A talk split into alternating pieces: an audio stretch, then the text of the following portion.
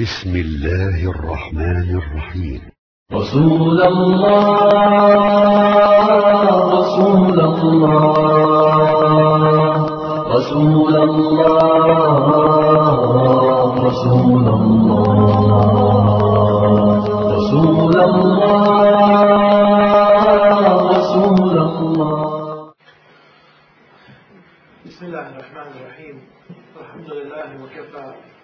وأفضل الصلاة وتم التسليم على خاتم الأنبياء والمرسلين نبينا محمد وعلى آله وصحبه أجمعين أما بعد Poštovana braćo, cijenje sestre, salamu alaikum, rahmetullahi,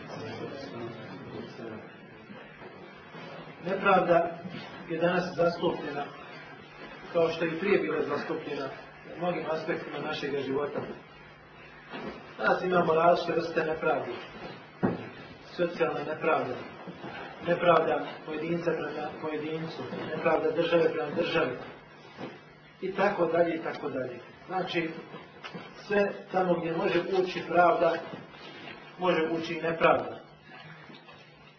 Učenjaci Islama su rekli da je pravda da se postavi svaka stvar na svoje odgovarajuće mjesto, slično definiciji o mudrosti.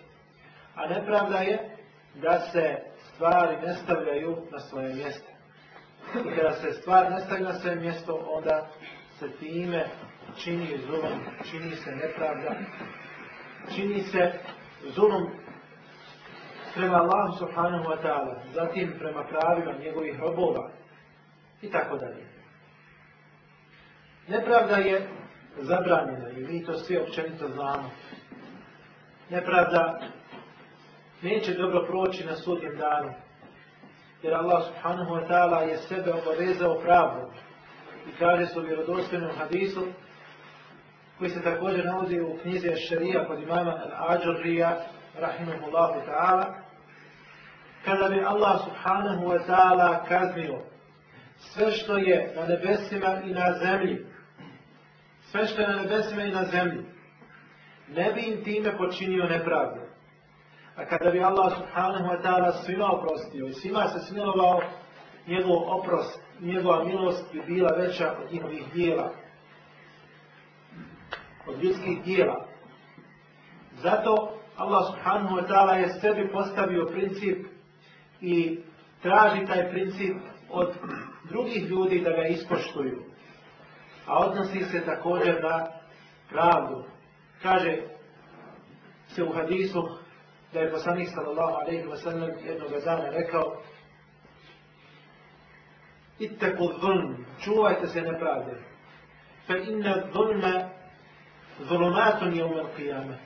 Jer će u istinu nepravda biti tama na sudnjem danu. Vattaku šuh i čuvajte se prdičluka i škrtarina. Jer je crtičluk i je bio razlog da propadnu oni narodi koji su bili prije vas. To ih je natjeralo da međusobno proljevaju krv i da narušavaju one stvari koje su im bile zabranjene međusobno znači da jedni od drugih uzimaju ono što nisu zasluživali da uzimaju. Zato također Allahu poslanik sallallahu alejhi ve nas postiče da se prođemo nepravde, da nastojimo da budemo pravedni.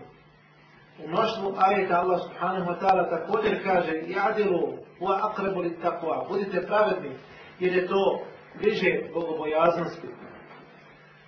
Prva i najveća nepravda jeste nepravda prema Allahu subhanahu wa ta'ala. Najveća nepravda. A to je da se o Allahu subhanahu wa ta'ala govori ono čega on sam subhanahu wa ta'ala nije dostojan. Da se Allahu subhanahu wa ta'ala pripisuju manjkavosti, bilo se radi o njegovim svojstvima, bilo se radi o njegovom gospodarstvu, bilo se radi o njegovoj božanstvenosti, bilo da se radi o njegovim lijepim imenima. Zato je rečeno da je širk najveći zulum ili najveća nepravda. Kaže Allah subhanahu wa ta'ala, kafirune الظَّالِمُونَ i uistinu su nevjernici, zulumčari, nepravedni. Zašto su nepravedni? Zato što nepravedno Allahu subhanahu wa ta'ala pripisuju druge. Allah je obavezao da njemu iskreno ispovjedaju vjeru. Kada lillahi dinu halis. Samo Allah subhanahu wa ta'ala pripada iskreno ispovjedanje vjeru. Potom Mudri Lukman, a vi ste nedavno slušali to predavanje, savjetuje svoga sina. Allah subhanahu wa ta'ala navodi to u svojoj knjizi pa kaže Inne širke la zulmu na adim. Uistinu je širk velika nagrada. Navodi se za ashabe radijallahu anhum da su čuli ajet u kome se kaže da neće biti oprošteno onima koji budu zulum činili nepravdu. Pa je neko od ashabov pitao i rekao, konstatovao, mi smo onda svi propali. Zato što svako od nas je učinio nepravdu. Bila ta nepravda veća ili manja.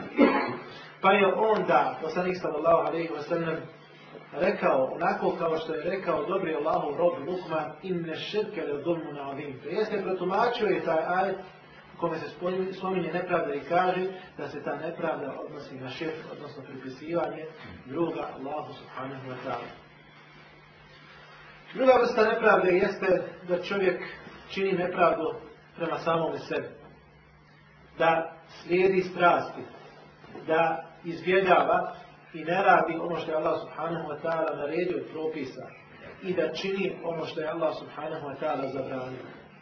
Ta nepravda je također velika. وَمَا ظَلَمَهُمُ اللَّهُ وَلَكِنْ كَانُوا أَنْفُسَهُمْ i Allah subhanahu wa ta'ala nije njima načinio nepravdu, nego su oni sami sebi načinili nepravdu. Kada tazlimu i nemojte sami sebi činiti nepravdu. To jeste rob. Kada ne robuje Allah subhanahu wa ta'ala onako kako treba robovati, ne ispovjeda mu vjeru iskreno, u takvim situacijama rob čini sam sebi nepravdu i u takvim situacijama čovjek će snositi odgovornost za tu nepravdu koju sebi čini. Treća vrsta nepravde jeste nepravda jednih ljudi prema drugima. Bilo se radi o pojedincima, bilo da se radi o grupama. I ta nepravda je velika. I lakše će na sudjem danu biti oproštena nepravda koja se počini prema samome sebi. Ili ukoliko se počini nepravda Allahu subhanahu wa ta'ala, ako se o to znači o narušavanju onih naredbi koje nisu na stepenu širka. Lakše će se to oprostiti. Zato su učenjaci Islama, fakihi, islamski pravnici rekli, što se tiče Allahu subhanahu wa ta'ala prava u osnovi, ona se opraštaju, čovjek će biti, čovjek će biti oprašten. A što se tiče prava robova, onda tu postoji, kažu, zatezanje. Na koji za teza je tako što se čovjeku neće oprostiti dok ne isplati i dok ne izvrši ona prava koja je dužan izvršiti prema samim robovima, odnosno ljudima. Zato imamo nekoliko vrsta nepravdi. I to je opasnica onog o čemu večeras govorimo, nepravda ljudi prema ljudima. Prva nepravda ili prvi oblik nepravde jeste da čovjek nepravedno uzurpira nečije pravo. Na primjer, čest oblik nepravde jeste da se uzurpira tuđa zemlja, da se uzurpira tuđi imetak, da se prisvoji. A poslanik sallallahu alejhi ve sellem tako prenosi Ajša radijallahu anha je rekao: "Men zalama qaid al-shibri tubiqahu sab'a radin." Kaže, onaj koji bude napravio nepravdu, učinio nepravdu, uzurpirao tuđu zemlju, pa makar za jedan pedalj, bit će natovaren sa sedam zemalja na sudnjim danu. Bit će natovaren sa sedam zemalja na sudnjim danu. A zamislite koliko će čovjeku biti teško da to nosi. Zamislimo samo kakve su okolnosti i kakve su tegobe na sudnjim danu i kada još bude natovaren sa sedam zemalja. Vidimo kako poslanik sallallahu alejhi ve sellem ovdje kaže ko kačini domom, to jeste ko uzurpira tuđu zemlju samo za jedan pedel, tako će mu biti. A šta mislite o ljudima koji daleko više čine zulom, koji uzimaju više ili manje? Poslanik sallallahu alejhi ve sellem je ovdje samo spomenuo najmanju količinu ili najmanju, najmanju mjeru da bi ukazao na glavnost ovakvog postupka. Potom Nepravda se drugom čovjeku može počiniti tako što mu ne dajemo njegovo pravo, a dužni smo da mu damo to pravo. Na primjer, da smo dužni nešto da isplatimo i da dugujemo drugome čovjeku. I u mogućnosti smo da to isplatimo, ali to ne isplaćujemo. Zato poslanih sallallahu alaihi wa sallam kaže: "Matlu al-ghani zulm." Onaj koji je u mogućnosti da isplati nešto, a to ne isplati, to je nepravda. To je nepravda. Zatim imamo još različitih vrsta nepravdi. Nepravda kada čovjek bude unajemljen za određenu stvar, za određeni posao. Pa taj posao uradi, a onda mu se ne isplati taj njegov posao, odnosno ne isplati mu se njegov pravo, njegov hak. Kaže Allahu poslanik sallallahu alaihi da je Allah subhanahu wa ta'ala u hadisi rekao sa trojicom ću se ja parničiti na sudnjem danu. A mi znamo, draga braćo, s kime se Allah subhanahu wa ta'ala bude parničio, da sigurno će propasti i izgubiti tu parnicu. Pa između ostalih nabraja o rađulu isteđera džiran festofa čovjek koji je unajmio najamnika pa je onda taj najavnik pošteno radio svoj posao. A zatim mu nije dao njegovu nadnicu. Nije mu isplatio ono što je ovaj potraživao zato što mu je izvršio u obavezu. Zato je poslanik sallallahu alaihi wa sallam posticao ljude da kada od nekoga traže nešto da se uradi, da što prije isplate i što prije dadnu nadoknadu za izvršeni posao. Zato poslanik sallallahu alejhi ve sellem kaže da isplatimo naknadu najemniku prije nego što se njegov znoj osuši. tu al-ajira ajruhu qabla an yajfa ala fuh. Kaže poslanik alejhi salatu vesselam. Prenosi se u jednoj priči, u toj anegdoti, koja se desila u Mekki. Navode neki učenjaci, to se često prepričavalo i mi ćemo sada reći ovdje. Bio je jedan čovjek koji je posebno bio bogat na području Mekke i unajmio jednog čovjeka da mu nešto uradi. Najvjerojatnije se radilo o nekom strancu koji dođe iz Bangladeša, dođe iz Pakistana i tako dalje. I ovaj bogataš je zadužio čovjeka da uradi određene poslove, on je to uradio, prošlo nekoliko mjeseci, a on mu nije dao njegovo pravo. On mu nije dao ono što je on zaslužio, platu mu nije dao, isplaćivao nekoliko mjeseci. I znate kako su siromašni ljudi u potrebi za svakim dinarom. Ovaj je potraživao to nekoliko puta, znajući da ovaj ima taj novac i da je on bogat, ali nije htio da to isplati. Šeitan ga je postao na to da to ne isplati. I šta se desilo? Ovaj siromah je rekao, ja ću moliti Allah subhanahu wa ta'ala protiv tebe. A ovaj je rekao iz svoga cinizma, pa ti, kaže, moli Allah subhanahu wa ta'ala i kod Kabe ako hoćeš. Uhvati se za ogrtač Kabe i moli Allah subhanahu wa ta'ala. Smatrajući da je on znači u pravo i da ima pravo da zadržava svoj drugo, odnosno da zadržava tuđe pravo. I nakon određenog vremena ovaj bogataš je oborio, pao je na postelju, nije bilo lijeka za njega. Bio je u bolnici tako su ljudi dolazili, prolazili, posjete. I u jednoj od tih delegacija posjeta nađe se i ovaj siroma. I kada je ovaj ugledao, kaže jesam ti dobio protiv mene onako kako sam ti rekao? Kaže, jesam, dobio sam kod Kaabe protiv tebe. I kaže, sada znam da je ta doba bila uslišana. Da je ta dova uslišana. Zato što je poslanik sallallahu alaihi wa sallam rekao ittaku da'vatan mazlum wa in kana kafira. Čuvajte se dove onoga kome je nepravda počinjena, pa makar taj kome je nepravda počinjena bio kafir, makar bio nevjernik. Jer između te dove nema i Allah subhanahu wa nema nikakvog zastora. Što znači da se ta dova direktno prima. Zatim je ovaj naredio, ovaj bogataš naredio da se isplati ono što je potraživao i zamolio ga da uputi Allah subhanahu wa ta'ala da bude izliječen. Jedan od oblika nepravde jeste također da čovjek se zakune Allahu subhanahu wa ta'ala nepravedno i lažno da bi dobio za sebe neko pravo. Lažno se zakune da bi došao do nekoga prava. Kaže poslanik sallallahu alaihi wa sallam men ihteta haqqa im muslimin onaj koji kaže uzme kako pravo muslimana putem lažne zakletve putem važne zakletve. Allah subhanahu wa ta'ala mu je obećao i obavezao ga vatre.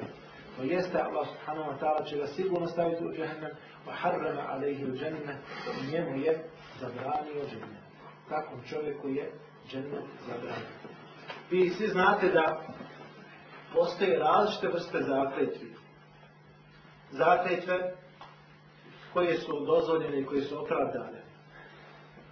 A ima jedna zakljetva koja se naziva Reminu gamus, Lažna zakljetva.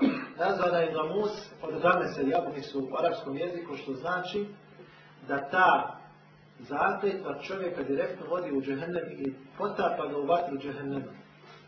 Na koji način? Tako kada se čovjek zakune lažno, zato nema draga braća iskupa.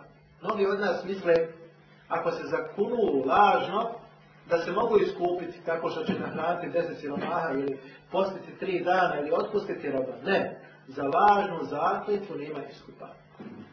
Osim pokajanja, da se čovjek pokaji, iskreno, Allah zna, subhanahu wa ta'ala, kome će oprostiti, ali za takvu zakljetvu, lažnu zakljetvu, se čovjek ne može iskupiti onim otkupom koji je propisan u Koranu.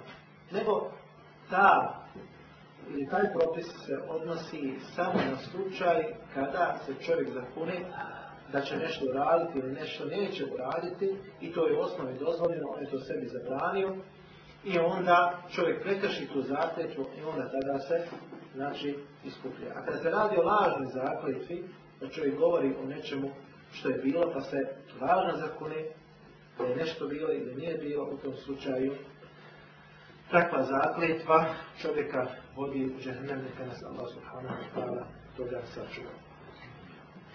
Jedna od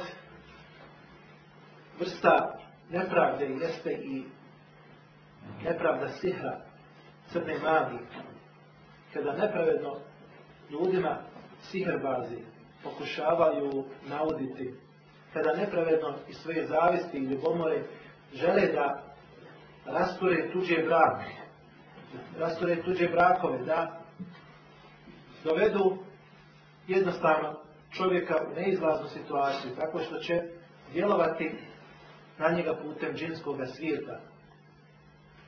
Zato Allah subhanahu wa ta'ala kaže وَيَتَعَلَّمُونَ مِنْهُمَا مَا يُفَرِّكُونَ بِهِ بَيْنَ الْمَرْءِ وَزَوْجِهِ I oni su odmah naučavali ono čime će rastaviti muža od žene. To jeste, Allah subhanahu wa ta'ala kaže u Mufesir je spomenuo rastavljanje muža od žene kao najčešći oblik zašto se uopće pravi sin. Najčešće da se muž rastavi od žene. Pa je Allah subhanahu wa ta'ala spomenuo ono što se najčešće dešava, a znamo da se sinom može utjecati na mnoge druge stvari. Zato poslanik sallallahu alejhi ve sellem u vjerodostojnom hadisu kaže: "Ittaqu السبع الموبقات أو اجtanibu السبع الموبقات vi se čuvajte sedam upropaštavajućih grijeha čuvajte se tih sedam grijeha grijeha koji čovjeka vodi direktno u vatru pa je rekao širku, o sihru wa qatlu nefsi leti harrem Allahu illa bil haq čuvajte se prije svega širka pripisivanja druga Allahu subhanahu wa ta'ala pa je poslanik sallallahu alejhi ve sellem odmah spomenuo poslije toga sihr Zašto je spomenuo sihr? Zato što je sihr na stepenu širka.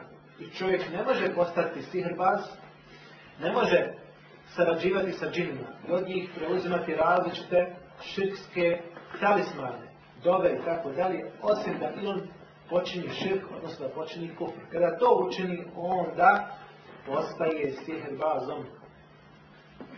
Znači, prvo je širk, pa je drugo sihr, Pa je onda ubiti nekoga neopravdano. Ubiti nekoga neopravdano. Wa eklu riba i jesti kamatu wa etlu mari jetim. I onda jesti i uzurpirati nepravedno siročetov imetak. Wa tavalli jome zahid. I pobjeći sa bojnog polja. Wa qatlu nefsi leti haram Allah ila bilhaq I qatlu mu'minati al muhsanati al gahirat. i onda još optužiti nevine i poštene vjernice za blud. Poslanik sallallahu alejhi ve je rekao da se čuvamo, da se čuvamo strogo ovih stihova. Jedan od oblika nepravde također jeste da smo nepravedni prema svojoj djeci. Posebno ukoliko imamo više djeci. Pa onda volimo određeno dijete više u odnosu na drugo dijete. Mi ne možemo upravljati svojim srcima, ali smo dužni da budemo pravedni u svojim postupcima. Kao što poslanik Allaho glava je volio neke svoje supruge više u odnosu na druge. Međutim, koga nije tjerao da bude nepravedan, da bude nepravedan u i lijeka i da bude nepravedan u pogledu boravka svojih žena. Isto tako musliman je dužan da bude pravedan prema svojoj djeci, može voljeti svoje određeno dijete zbog njegovih određenih osobina malo više u odnosu na drugog. Ali ne smije biti nepravedan u svome postupanju prema svome djetetu. Prenosi se od Nomana ili Bešira radi Allahu anhu da mu je otac dao neki poklon. I onda je zato čula njegova majka koja se nazivala Amra bint Ravaha.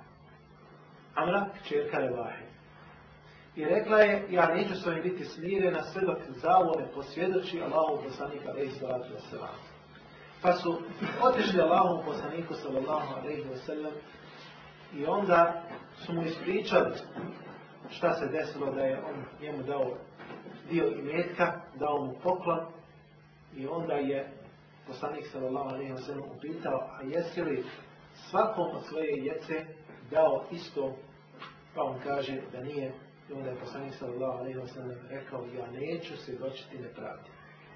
Ja neću se doćiti nepravdi.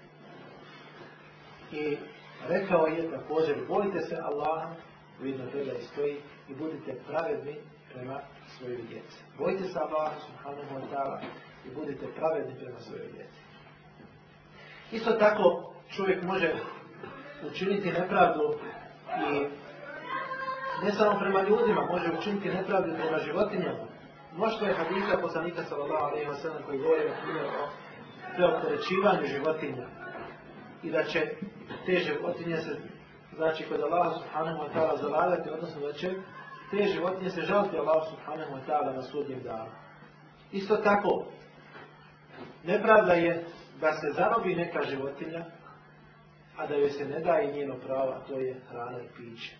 Kao što je poznat u hadisu poslanika sallallahu alaihi da je jedna žena ušla u vatru džehennema zato što je zatvorila mačku, a nije joj davala hranu, niti ju je pustila da se hrani gvizarcima. Pa je samo zbog te mačke ušla, ušla u džehennem.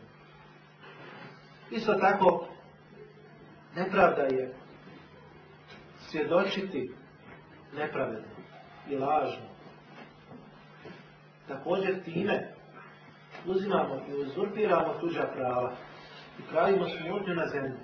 Kada smo pozvali da nešto posvjedočimo, onda trebamo govoriti istinu, bez obzira bilo to protiv nas, bilo to protiv naših bližnjih, bilo to protiv uglednih, jer istina je istina i čovjek se treba pokoravati, posebno se radi o treba se pokoravati samo istinu. Naime, prenosi se u hadisu od Denesa radijallahu anhu, da je poslanik sallallahu alaihi wa sallam jednog dana spominjao velike grije, pa je rekao da je to širk, da je to ubistvo, da je to neposlušnost prema roditeljima. A onda je rekao, hoćete li da vas obavijestim o najvećem grijehu, to u trenutku, ono da se obavijestimo velikom, još jednom velikom, najvećem vijeku, pa su rekli svakako, onda je on rekao, važno svjedočenje, odnosno važni govor. Važno svjedočenje, odnosno važni govor. U istinu, posljedice nepravde su mnogo broje. O njima se može govoriti mnogo i dugo. Allah subhanahu wa ta'ala navodi u svojoj knjizi posljedice nepravde. Pa kaže وَلَا تَحْسَبَنَّ, ولا تحسبن اللَّهَ غَافِرًا عَمَّا يَعْمَلُ الظَّالِمُونَ I nemoj smatrati da je Allah nesmatno i da ne gleda na ono što rade oni koji su nepravedni, koji su zulumčani. إِنَّمَا yuakhiruhum لِيَوْمٍ yawmin فِيهِ الْأَفْسَارِ Nego Allah subhanahu wa ta'ala ih samo odgađa do onoga dana, do sudnjega dana, kada znači, će pogledi mnogih ljudi skretati. Također, Allah subhanahu wa ta'ala spominje kako je uništavao gradove i sela. وَكَذَلِكَ أَحْدُ رَبِّكَ إِذَا أَحَدَ الْقُرَى وَهِيَ غَانِمَ I tako tvoj gospodar žestoko kažnjava kada kažnjava sela i gradove, naselja, inna ahvehu alimu šedid. Uistinu je njegova kazna bolna i ona je žestoka. I ona je žestoka. A zašto su kažena ta nasilja, odnosno ljudi u tim naseljima, zato što su bili, zato što su bili, ga vraću, nepravedni. Allah subhanahu wa ta'ala je apsolutno pravedan jer ljudi traži pravdu. Pogledajmo samo kako izgleda ta pravda na sudnjem danu, ta apsolutna pravda, izgledat će ovako, da kaže poslanik sallallahu ali ve sallam, da će se sva prava na sudnjem danu poravnati, to jest da neće biti nepravde. Pa čak ona ovca koja je bila bez rogova, ona će se osvijetiti onoj ovci koja je imala rogove. Zato što su se pobole na sudnjem, odnosno na ovome dunjaluku, pa je ova bila zakinuta zato što nije imala robova. Pogledajte apsolutnu pravdu Allah subhanahu wa A šta tek reći kada se radi o ljudima, kada se radi o bićima koja imaju razum i koji će za svoj razum odgovarati. Ovdje se radi o animalnom svijetu, radi se o životinjama. A šta mislite kada se radi o čovjeku koji je zadužen propisima islama? U slučaju se radi znači o životinjama koji nisu zadužene propisima Islama. Pa Allah subhanahu wa ta'ala i prema njima apsolutno pravedan. A šta tek reći kada se radi o ljudima, kako će se na sudnjem danu njihova djela tretirati kako će se na njih gledati. Kaže također Allahu poslanik sallallahu alejhi ve sellem ko bude imao kakvu nepravdu, to jeste da je počinio nepravdu nekome, da ima obavezu prema nekom ili da neko kod njega ima kako pravo, kaže neka to odmah da nas riješi. Neka traži halala od svoga brata. Prije nego što dođe dan u kojem neće biti ni dinara, ni u koji neće biti znači metka, nego će biti samo dobra djela.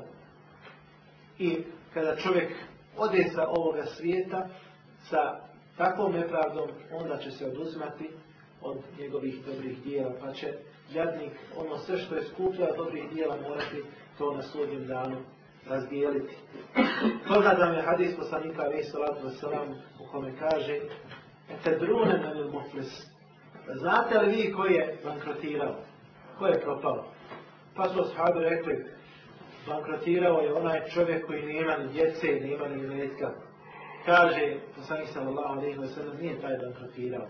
Bankrotirao je onaj i na sudnji dan dođe sa dijelima poput brda. Znači imao je dobrih dijela, dosta. Ali je prosuo krv ovoga, opsovao je ovoga, ovoga je udario i tako dalje. Pa će ovome dati od svojih dobrih dijela, pa će ovome dati od svojih dobrih dijela. tako će vas podijeliti. Kada nestane tih brda, kada nestane tih dobrih dijela, onda će se uzeti loša djela onih kojima je on činio nepravdi, od tih loših djela će se prebaciti na toga čovjeka. I kada se to prebaci, kaže, takav će čovjek pasti, pasti u Nas Allah subhanahu wa ta'ala toga sačuva. Zato je veoma važno čovjek svaki svoj dan završi tako što će zatražiti halala svoje braće ukoliko je počinio zorom prema njima. Jer čovjek ne zna kada će umrijeti, čovjek ne zna gdje će umrijeti. A sigurno da će mu to biti isplatnije nego da na svodnjem danu to otplaćuje svojim dobrim djelima na dan kada će koristiti ni metak, ni sinovi, osim to dođe pred Allah subhanahu wa sa čistim srcem. Isto tako, Allah, poslanik sallallahu alaihi wa sallam nas postiče da se pokajemo za nepravdu prema Allahu subhanahu wa ta'ala isto nas postoče da isplatimo kao što smo vidjeli u ovim hadisima prava drugih ljudi prije nego što dođe sudnji dan. Pa je poznato da su učenja se rekli da postoje četiri uslova obje. Neki su rekli da ima više, uglavnom većina islamskih učenjaka to svodi i svrstava pod četiri znači ova uslova ovdje. Ko će mi reći koja su četiri uslova te ovdje odnosno pokajanje? Da bi, znači, te ovdje pokajanje bilo primjer kod Allah subhanahu wa ta'ala šta se mora od toga izvršiti. Koji su to uslovi da bi pokajanje bilo kako kod Allah subhanahu wa ta'ala? ko će reći? Može dobiti na eto, dajem nagradu.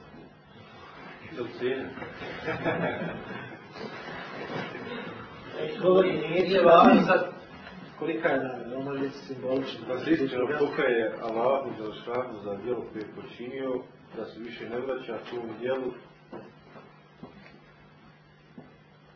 Namjera je čršta da će biti primjeno da izmiri i meta kako je kome. Ako je kome. Pa se nadam da se ne dijeli. Opet nisu četiri stvari. Mi to uhaj dajemo nagrad. da momentalno prestane sa činjenjem toga to je prvo.